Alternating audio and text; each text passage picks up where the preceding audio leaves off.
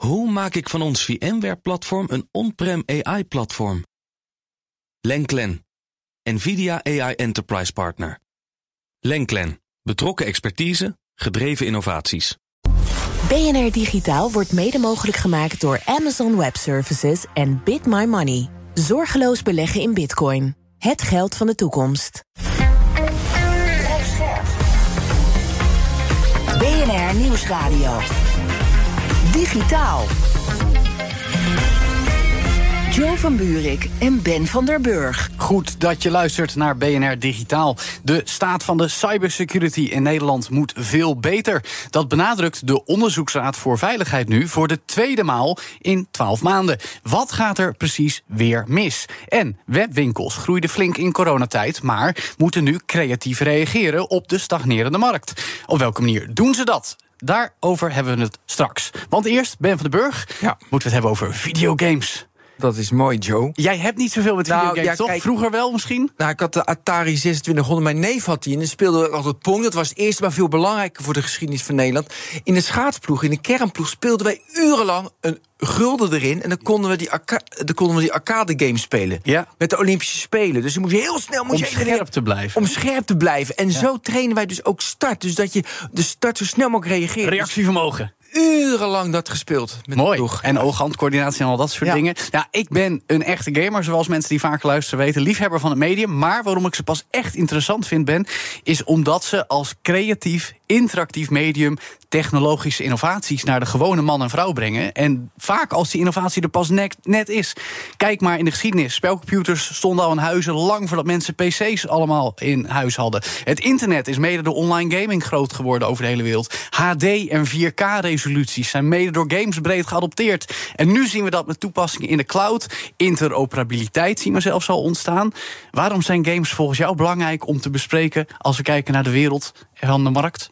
Nou ja, kijk, wat je heel vaak ziet bij bedrijven is of een productbedrijf of het is een servicebedrijf. En dat zie je bij Apple, dat is een productbedrijf. Nu gaan ze ook services doen. En dat zie je bij Google, dat is een servicesbedrijf. En zijn ze goed in de Pixelphone, weet je. Dus Ja. je- dat zie je constant terug. Wat ik mooi vind, als ik bijvoorbeeld kijk naar Sony, dat is een productbedrijf, hoe zij games geïntegreerd hebben. Dus ze maken, ze maken een console. Ja. En nu hebben ze al die, hebben ze al die studio's erbij gekocht. En dan kunnen ze ineens, zijn ze volledig verticaal geïntegreerd Ja. Kunnen ze dus in de waardeketen kunnen ze alles. Dus wat je ziet, weet je, bij, bij zaken doen is toch vaak van.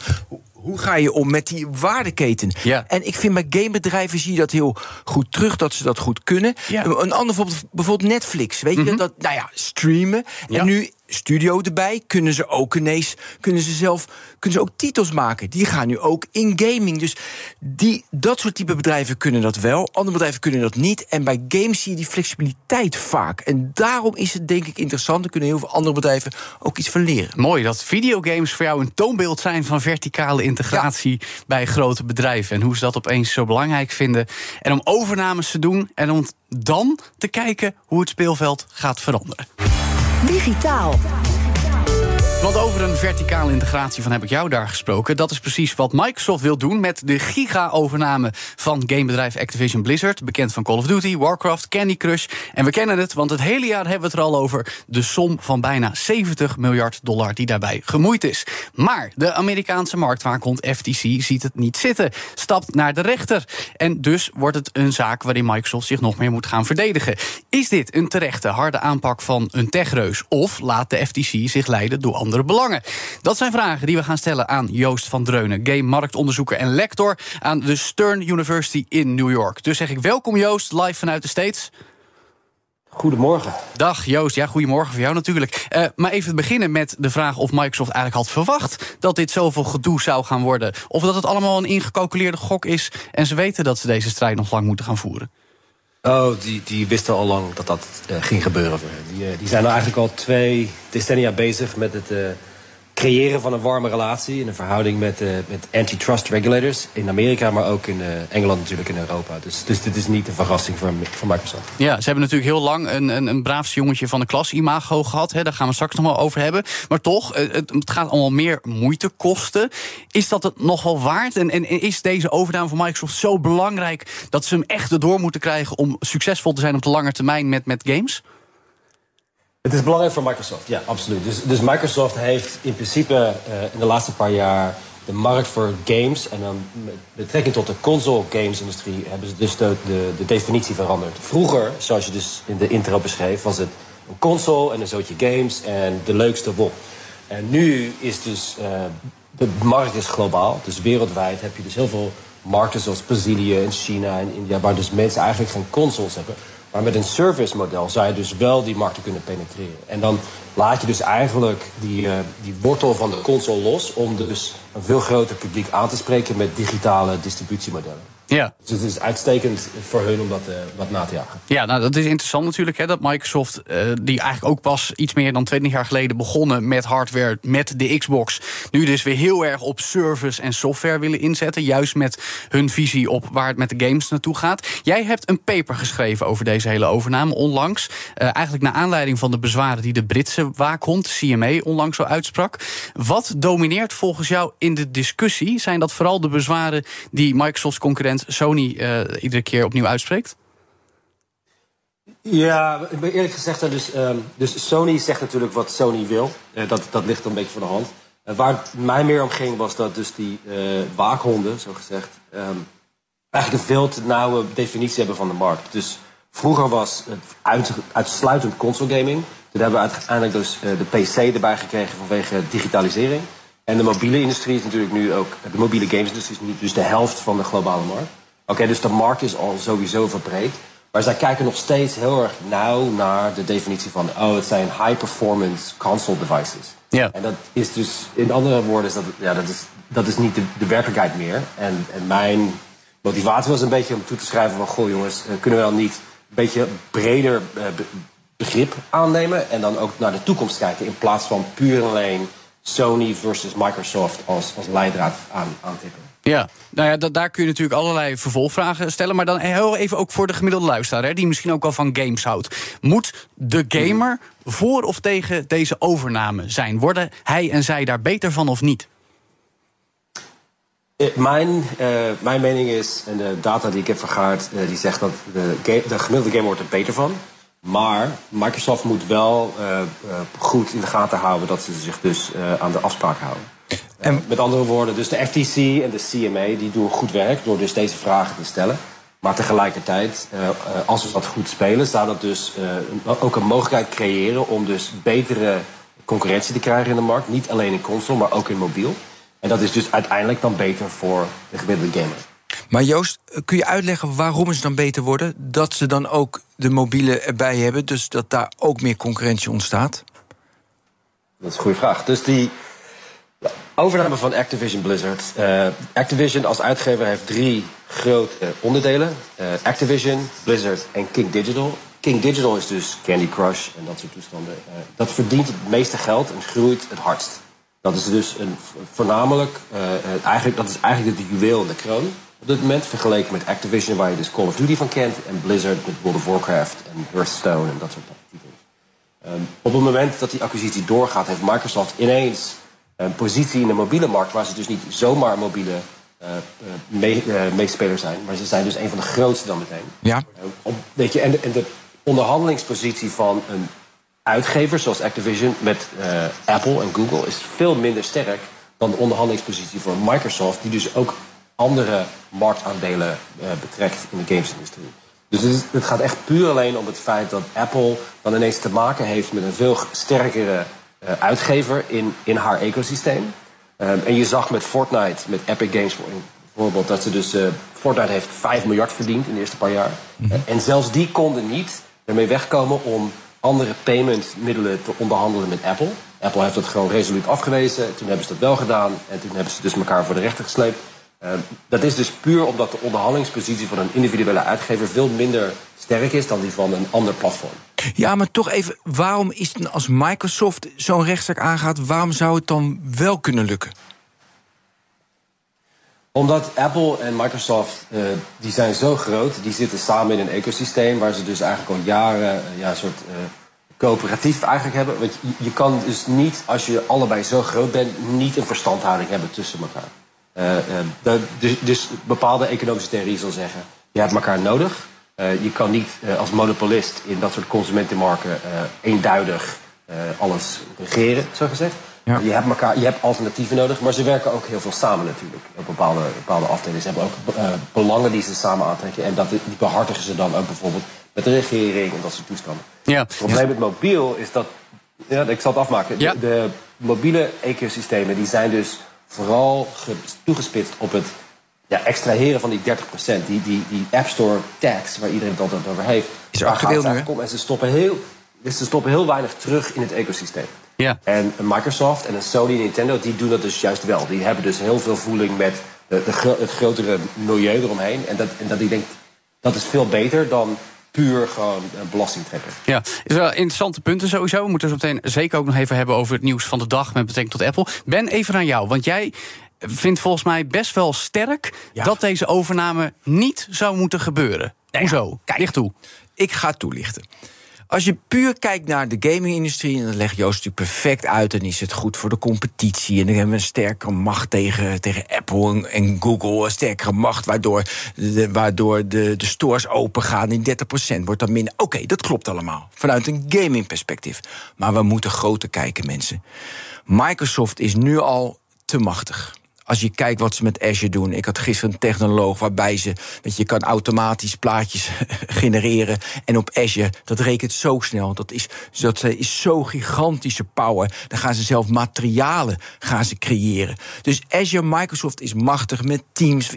Ieder bedrijf gebruikt een beetje Office 365. Ja. Dus het is huge dan geven ze nog meer macht om ook in de gaming-industrie zo groot te worden. Ja, kijk, ik, ik snap ook wel dat je dat misschien los moet trekken.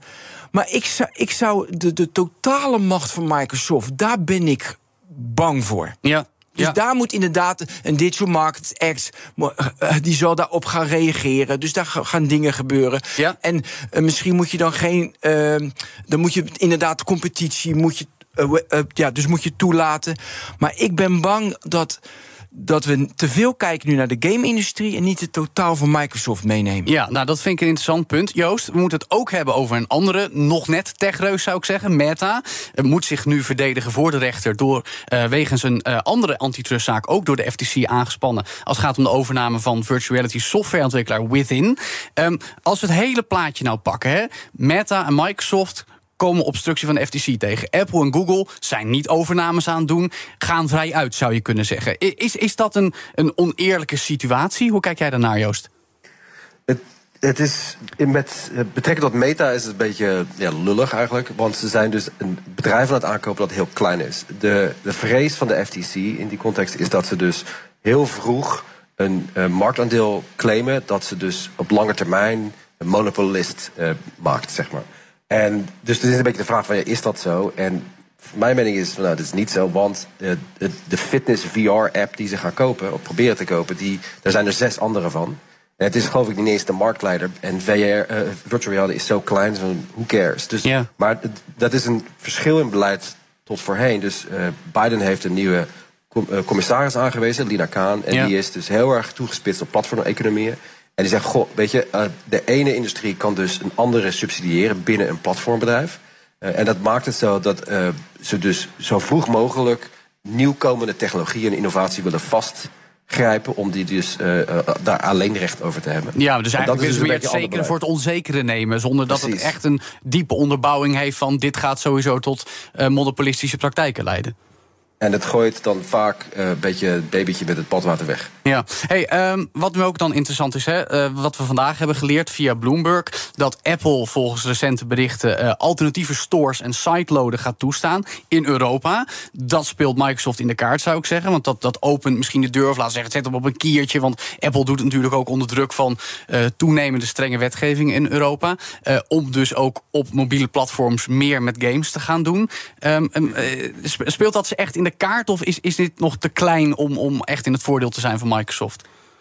Het is, het is nog vrij klein. Uh, laten we eerst zien wat die, uh, wat die acquisitie brengt. Maar ik denk dat het belangrijk is dat die, uh, vooral die app stores, die walled gardens, dat die dus een beetje minder rigoureus te werk gaan en dat elkaar een beetje dingen toestaan. Ja.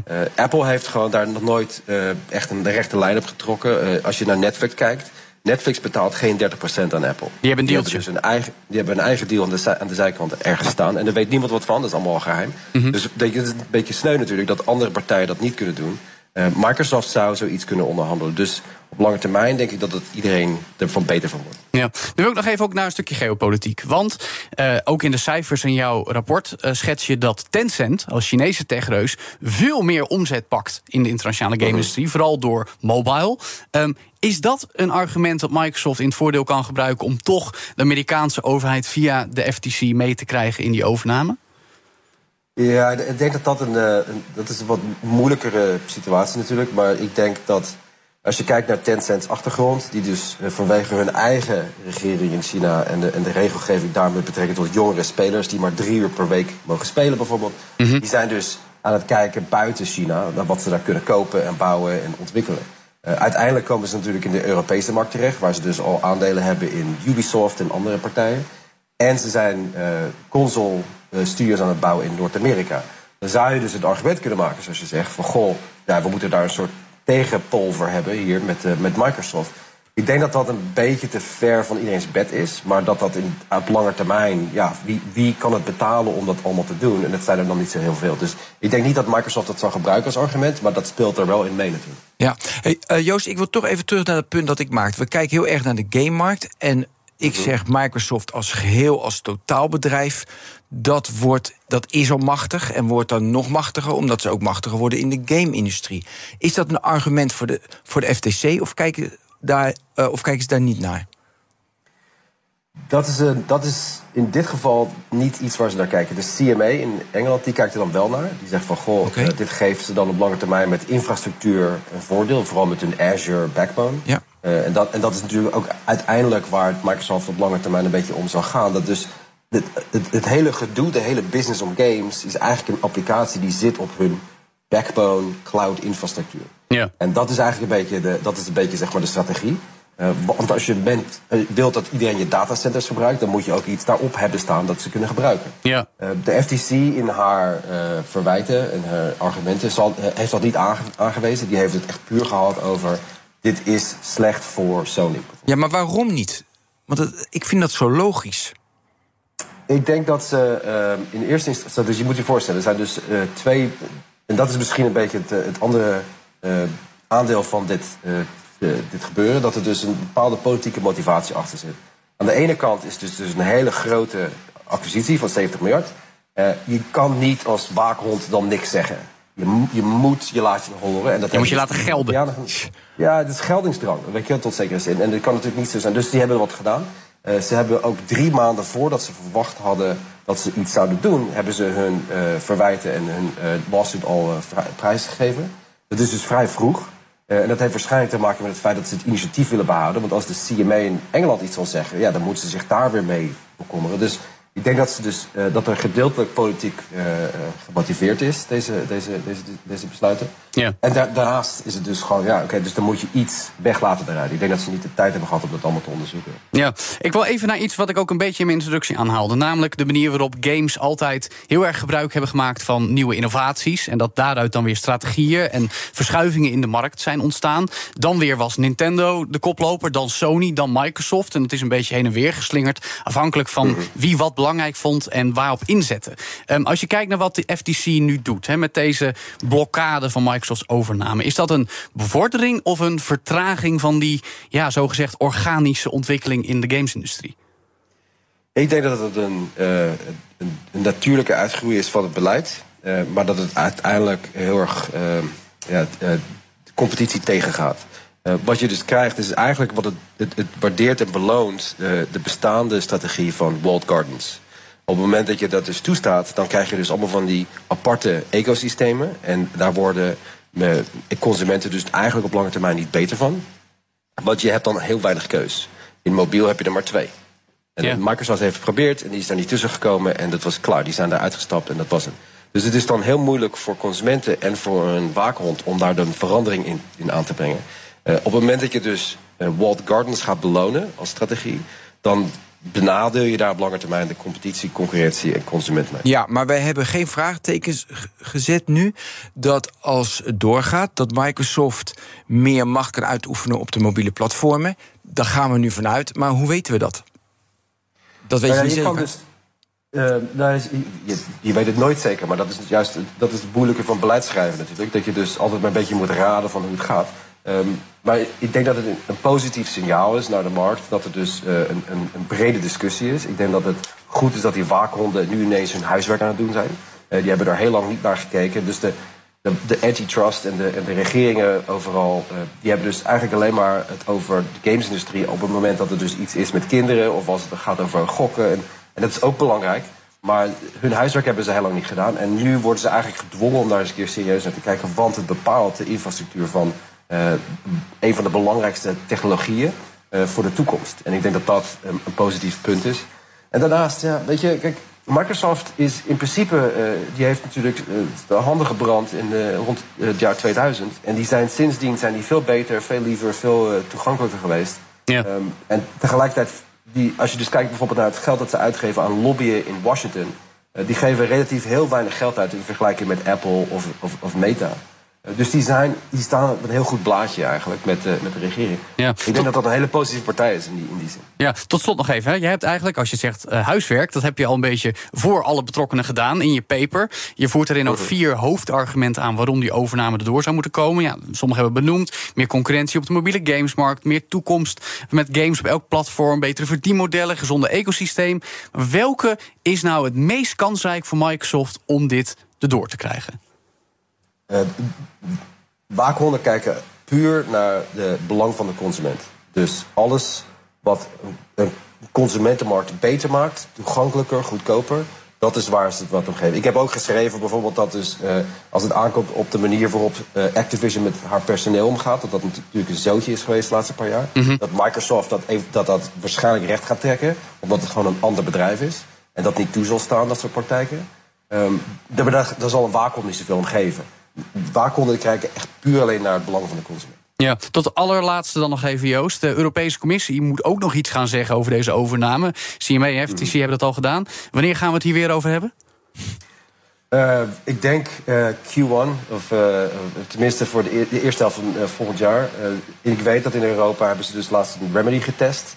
Die zijn veel toegankelijker als waakhond om daar mee, mee bezig te zijn. Je hebt het verschil dus met structural remedies en behavioral remedies. Structural betekent het wordt opgelegd en daar moet je aan houden. En behavioral dat betekent ik beloof jou dat ik iets wel of niet ga doen.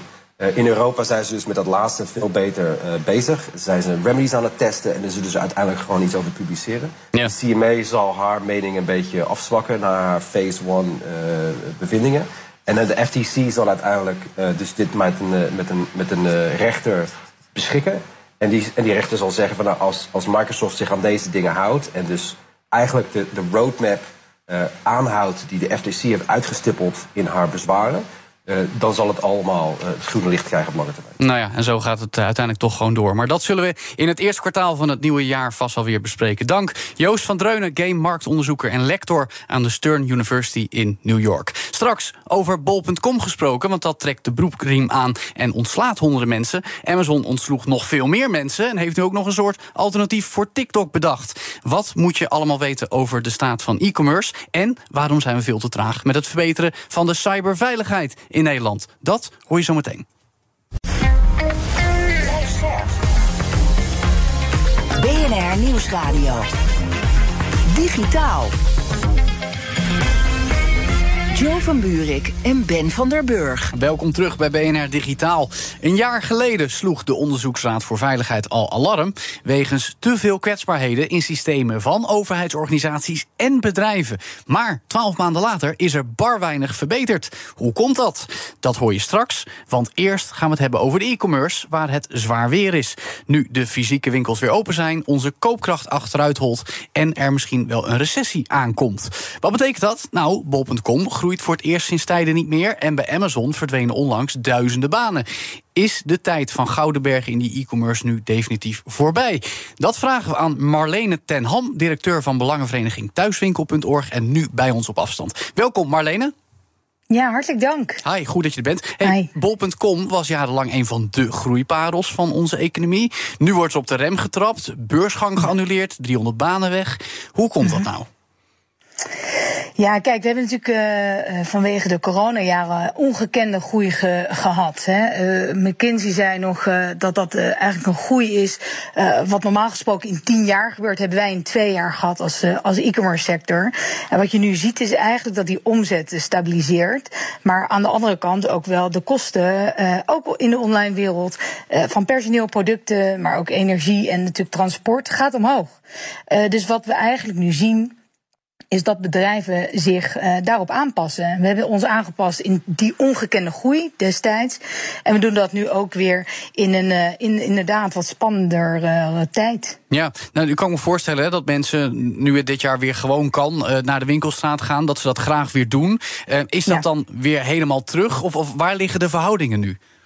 Nou, nee, eh, weet je, ook vanwege corona zijn mensen absoluut gewend geraakt aan uh, online winkelen. Uh, en wat je ook ziet is dat consumenten eigenlijk al lang niet meer zo bezig zijn met het verschil tussen online en offline. Dus je, je koopt eigenlijk meer op het moment en op de plek waar het je uitkomt. En dan ga je steeds meer zien dat consumenten gaan voor de beleving en de ervaring in de winkelstraat en inspiratie. Of gewoon snelheid en prijsvergelijking online. Dus wij eigenlijk maken ook dat onderscheid helemaal niet meer. Um, en dat doen consumenten ook steeds, uh, steeds minder. Ja, ik wil het over hebben over de beleving in de straat. Want ja. als je de beleving hebt in de straat, hoef je niks te kopen. Kom je thuis, dan koop je het online. Dus dan zou die grafiek zou dan toch die versnelling, het marktaandeel online zou dan toch steeds toe moeten nemen. En je ziet, het is weer terug hm. bij af eigenlijk van voor corona. Dat ja. vind ik opvallend. Dat is op zich opvallend, maar ook weer niet. Want corona was een ongekende groei. En nu zijn we nog steeds aan het groeien ten opzichte van voor corona. Dus wat onze cijfers van, vanuit Thuiswinkel.org die wij ieder jaar uitgeven, zie je eigenlijk dat we nog altijd, ook al stabiliseert het ernstig, maar we zitten nog steeds in een groei ten opzichte van voor corona. Ja, ik heb ook nog een kritische vraag. Jaren geleden, ik woon in Soest, ik had heel snel picknick. En toen zeiden ja. alle experts van Thuiswinkel.org, nee, alle experts zeiden van nou, de, de, de boodschappen, dat is nou, meer dan 1% gaat nooit gebeuren in Nederland. Nou, dat is natuurlijk, nu is het, ik weet niet hoeveel procent het is uit mijn hoofd, maar het is wel 10, 10% zijn. Dus Absoluut. ja, hoe kan dat dan? Hoe zit dat? Ja. Hoe zit dat? Nou ja, wij konden helemaal niks toen we uh, vanuit corona in die tijd eigenlijk thuis zaten. Uh, dus we zijn allemaal veel meer gewend geraakt aan het gemak en de tijdswinst van online boodschappen doen. Um, en dat maakt overigens dat dat ook een van de grootste markten is uh, binnen e-commerce, die nog altijd heel veel groei ook, ook ziet. want veel meer mensen zijn het gaan proberen ten tijde van corona. En het bleek lekker te werken. En het blijkt, ja, het werkt goed. Dus, ja. je, dus jij denkt als corona niet was, uh, niet was voorgevallen, dan zou Hmm. het boodschappen doen inderdaad nog gewoon in de winkel zijn en niet online. Nee, ook online. Want die, die koers hadden we al, hè, die groei hebben we al gezien ook voor corona. Alleen wat, wat je ziet, is dat we eigenlijk het onderscheid niet meer maken. Dus het versterkt elkaar alleen maar. De consument uh, uh, is gewend geraakt aan online winkelen. Uh, gaat voor de kerstinkoop en de gezelligheid van glühwein in de winkelstraat daarheen. Wil misschien ook nog voelen aan de producten of de jurk die je dan koopt. En aan de andere kant kies je dan inderdaad de juiste maat online. Dus je ziet ook de winnaars van de coronapandemie zijn ook de fysieke winkels. Die zijn gaan digitaliseren.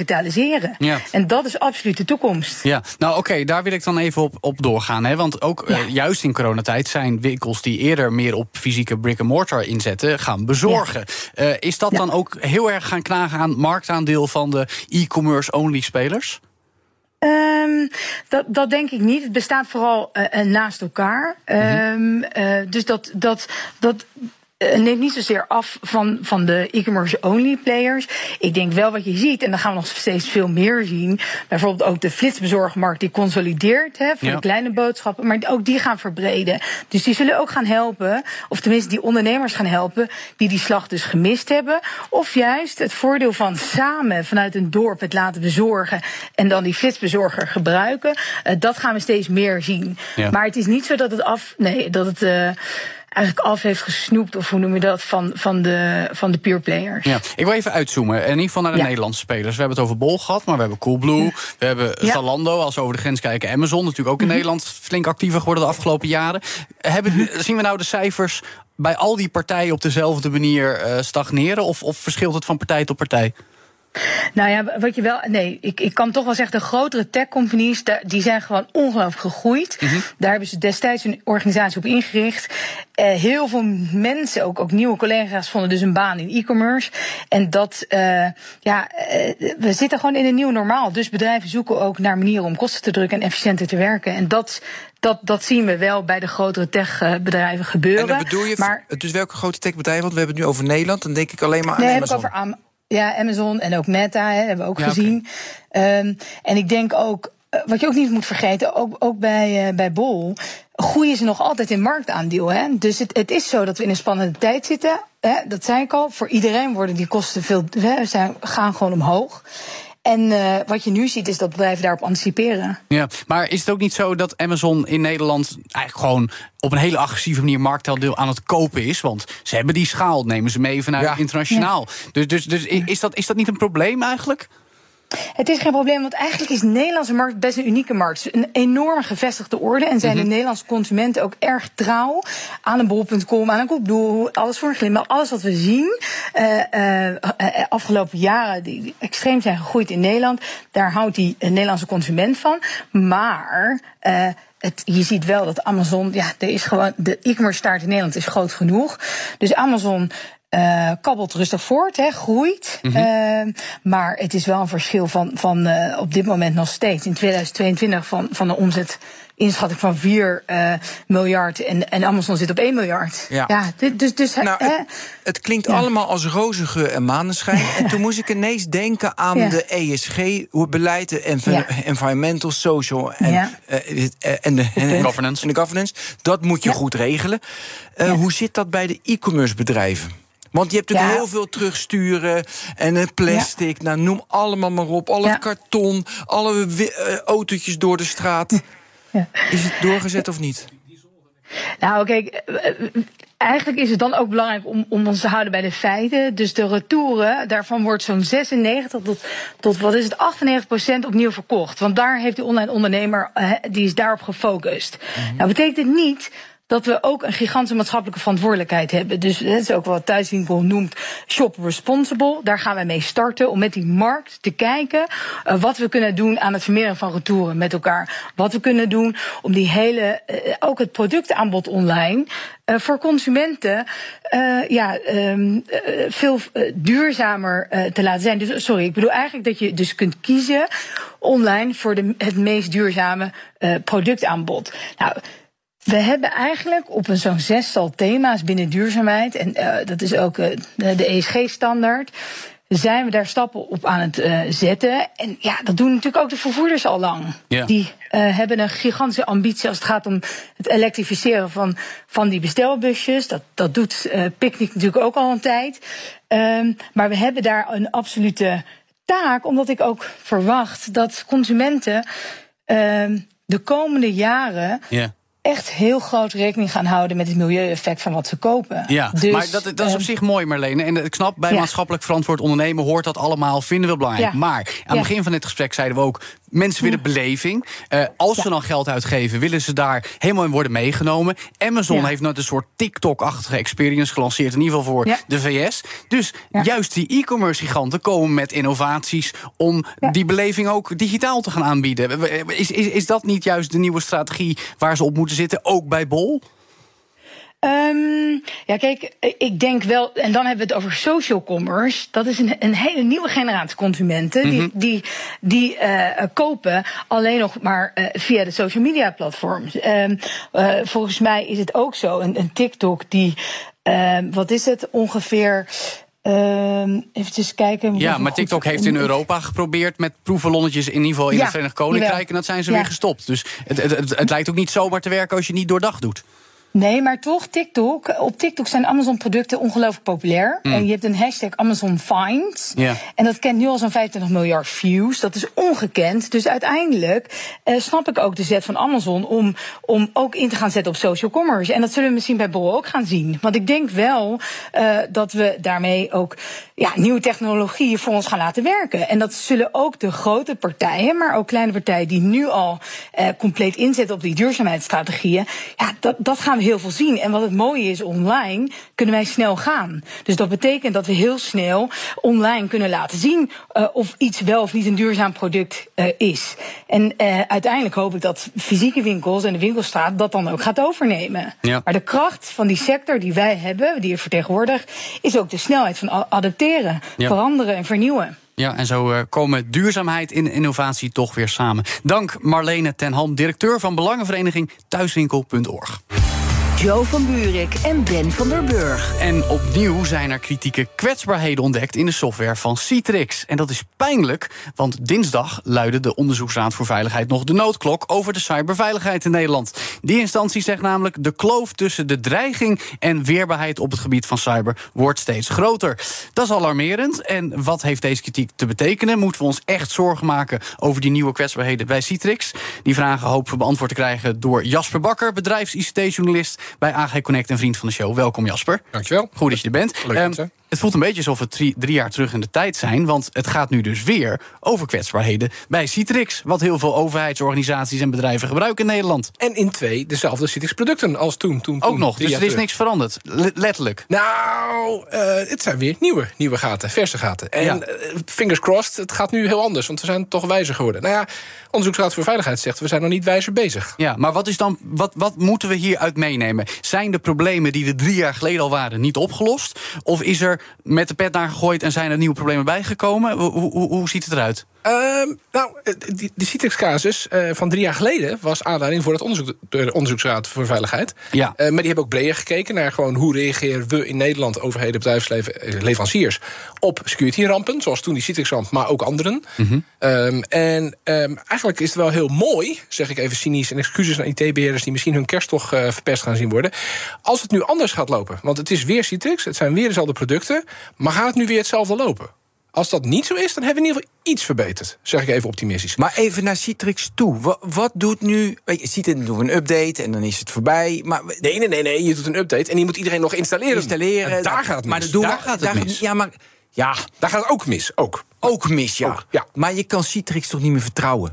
Je kan geen enkele leverancier nee, meer vertrouwen. Maar Citrix, dat, dat is nu wel het is al drie jaar aan de gang. Dus Citrix vind ik nu wel extra in het rood staan. Heb je even, ik heb nog een lijstje met veel meer van dit soort uh, gevallen. Citrix maar, okay. is niet de enige. Nee. nee, maar dat is dus interessant. Is en ook Citrix niet de ergste, maar ook niet de beste. Citrix wordt met naam en toenaam genoemd, in ieder geval nu, uh, ja. met het feit dat er weer kwetsbaarheden zijn. Uh, het onderzoeksrapport wat nu herhaald wordt, van twaalf maanden geleden was het ook al, verwijst er eigenlijk ook naar. Is ja. dat nou de belangrijkste uh, uh, probleemvormer? Of, of, of is dit veel breder dan Citrix? Het is veel breder dan Citrix. Alleen Citrix was drie jaar geleden en ook nu nog wel heel erg zichtbaar, heel erg voelbaar. Ja. Het wordt de Citrix-file.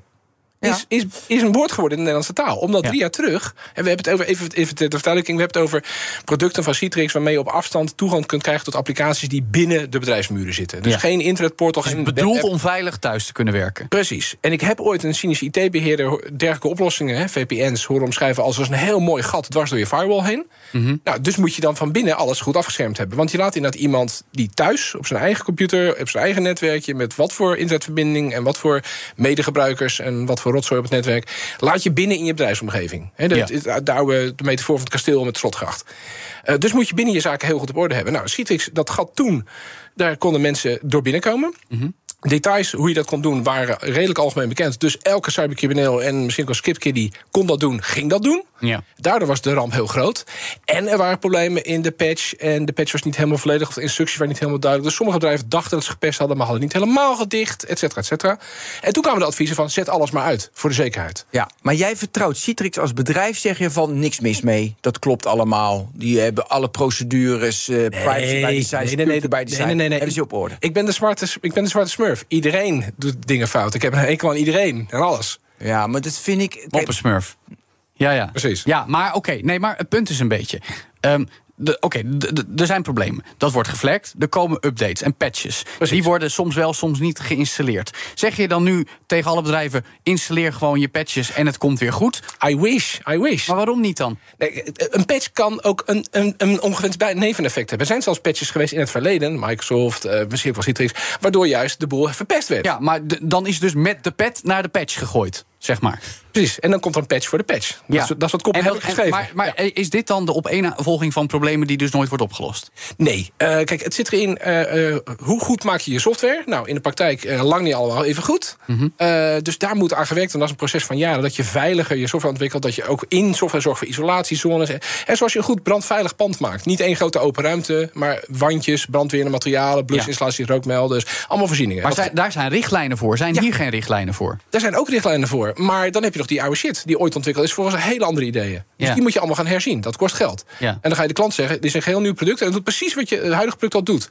Wil je even dokken? Ja. Waarom zou ik? Ja, maar goed, dus jij zegt daar zijn richtlijnen en, de, en En best practices. En ja, Oké, maar die bedrijven die je noemt, want iedereen eh, doet het verkeerd, zei je net. Dus die zwarte smurf. Dus, maar ze voldoen dan wel allemaal aan die richtlijnen. In meer of mindere mate, ja. ja. Ja, maar ze moeten aan voldoen. Ze moeten aan ISO-certificering doen en noem allemaal maar op. En doen ze ook, totdat er ontdekt wordt dat. Ja. Weet je, in, in, doe mee voor met auto's. Banden zijn goed. En dan blijkt toch ineens dat het rubber van de toeleverancier van Ja, de fabrikant maar- van jouw banden. Ja, maar jouw brandveiligheid was een beter voorbeeld. Ja, ik probeer even de kern van een probleem te achterhalen. Want we kunnen ook stellen van de, de organisaties die moeten certificeren... zijn niet genoeg op de hoogte van waarop gecertificeerd moet worden. En de certificeringen moeten beter, zodat er daadwerkelijk patches komen... die de problemen oplossen die er Ja, zijn. maar certificering, ja, ik, ik wil in die brandmeter voorbeeld blijven, maar het gaat me denk ik niet lukken. Maar we hebben het ook bijvoorbeeld over, over rijgedrag. Jij hebt nu een rijbewijs, jij de rijdt manier veilig, waarop mensen met software je- omgaan, bedoel je? Precies, maar ook de manier waarop software eh, eh, ja, eh, aan, aan de tand gevoeld wordt, geteisterd wordt. Er wordt op een gegeven moment een zwakheid ontdekt die bij het ontwikkelen nog niet bedacht was. Ja. Dus je hebt het probleem van hoe wordt de software ontwikkeld? Ja. Eh, hoe worden gaten gevonden? Hè, dus er- zijn GPU-vermogens beschikbaar waar tien jaar geleden je niet van kon dromen om dingen te, ha- te hacken en uit te proberen. Ja. Ja. Nou, dan heb je hoe wordt een patch ontwikkeld?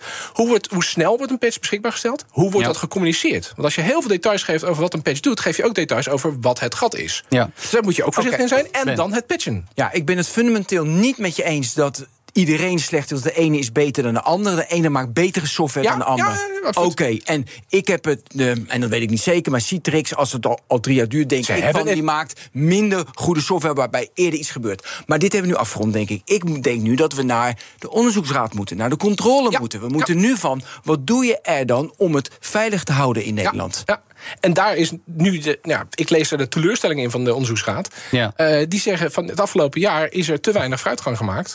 En ondertussen zijn we meer en meer afhankelijk van ICT. Dus dingen die misgaan hebben meer en meer impact. Ja. En wat dat betreft zijn natuurlijk meer en meer ondernemers aan de andere kant. Hè. De cybercriminelen die ook hun, eh, ja, hun Ja. businessmodel zien. Maar oké, even concreet over dat rapport. Want het ging om zeven aanbevelingen. Ja, eh, waarin er één een beetje los stond en de andere zes waren geclusterd. Wat, wat moeten we daaruit meenemen? Nou, één was een korte termijn oplossing. En dat was eh oproep aan het Nederlands kabinet en aan organisaties in Nederland die software gebruiken. Oftewel iedereen, alles. Ja. Zorg op korte termijn voor dat alle potentiële slachtoffers van cyberinvallen snel en doeltreffend, gevraagd en ongevraagd geïnformeerd worden. Ja, dus eigenlijk gewoon rapid response en zorgen dat er goed en effectief Precies. gecommuniceerd wordt als iets misgaat. Er is een kwetsbaarheid in Citrix. Ik zie, Ja. jij gebruikt Citrix, jij Citrix en ik ga je waarschuwen. Ja, en dat gaat dus al mis, nog steeds. Dat gaat nog steeds mis. Eh, er wordt aan gewerkt. Maar het probleem is, hè, dat, is, dat is Nederland een beetje. We, we hebben het NCSC. Ja. En die hebben die taak. Maar die hebben die taak voor overheidsorganisaties. Nou, daar was een hele verandering van nodig. En dan krijg je politieke traagheid, bureaucratische traagheid. Dan krijg je het Digital Trust Center. Dat is nu toegevoegd aan het NCSC. Maar toen de Citrix-ramp van drie jaar geleden... het NCSC wist ervan, heeft gewaarschuwd... maar niet iedereen, want dat was niet hun mandaat. Ja, dus je hebt een brandweer die beschermt overheidsgebouwen. BNR staat in effect, de brandweer ziet dat... maar waarschuwt BNR niet, want ja, dat is niet onze taak. Nee, oké. En de andere zes aanbevelingen dan? En anders is aanbeveling. Niet, niet allemaal opnoemen, Nee, maar nee, nee, de nee, nee, maar da- dan gaan we inderdaad, eh, dan wordt het moeilijk. En, en dan zit ik heel erg in dubio, want die aanbevelingen zijn hartstikke goed, Ja. maar zijn ook hartstikke complex. Want het probleem is ook hartstikke complex. Er staat bijvoorbeeld ook in van stel softwareleveranciers aansprakelijk voor schade door security. Nou, dat is juridisch een, een mijnenveld, een slagveld. eh, Nee, of ja. of, of Nee. gekke werk. Ja, Ja, dat gaan ze nou doen natuurlijk. hey, precies. Dat gaan ze nou doen. Dus dat is een mooie aanbeveling. In theorie helemaal goed. Net zoals ik stel jou aansprakelijk als autofabrikant... als ik een ongeluk heb omdat de remmen het niet deden. Of zoiets, weet je. Maar dat is... Ja, software is complex. En dat zeg ik niet als vrijbief voor elke prut softwareontwikkelaar... van ja, doe maar wat, doe je best. Dat ook weer niet. Maar hoe, hoe ga je dat inrichten? Ja, maar dan hebben we die aanbevelingen en dan kunnen we er niks mee met zes van de zeven. Nou, nou Ja, nee, dat zeg je nu, hè? Die conclusie zou je nu kunnen trekken. Ja. Je, je- je zou sommige dingen wel beter moeten doen. Want kijk, het, het, het eerste aanbeveling, hè, meldingen. We hebben in Nederland een vrijwilligersorganisatie die dit doet, succesvol. DIVD. Dus het is te doen.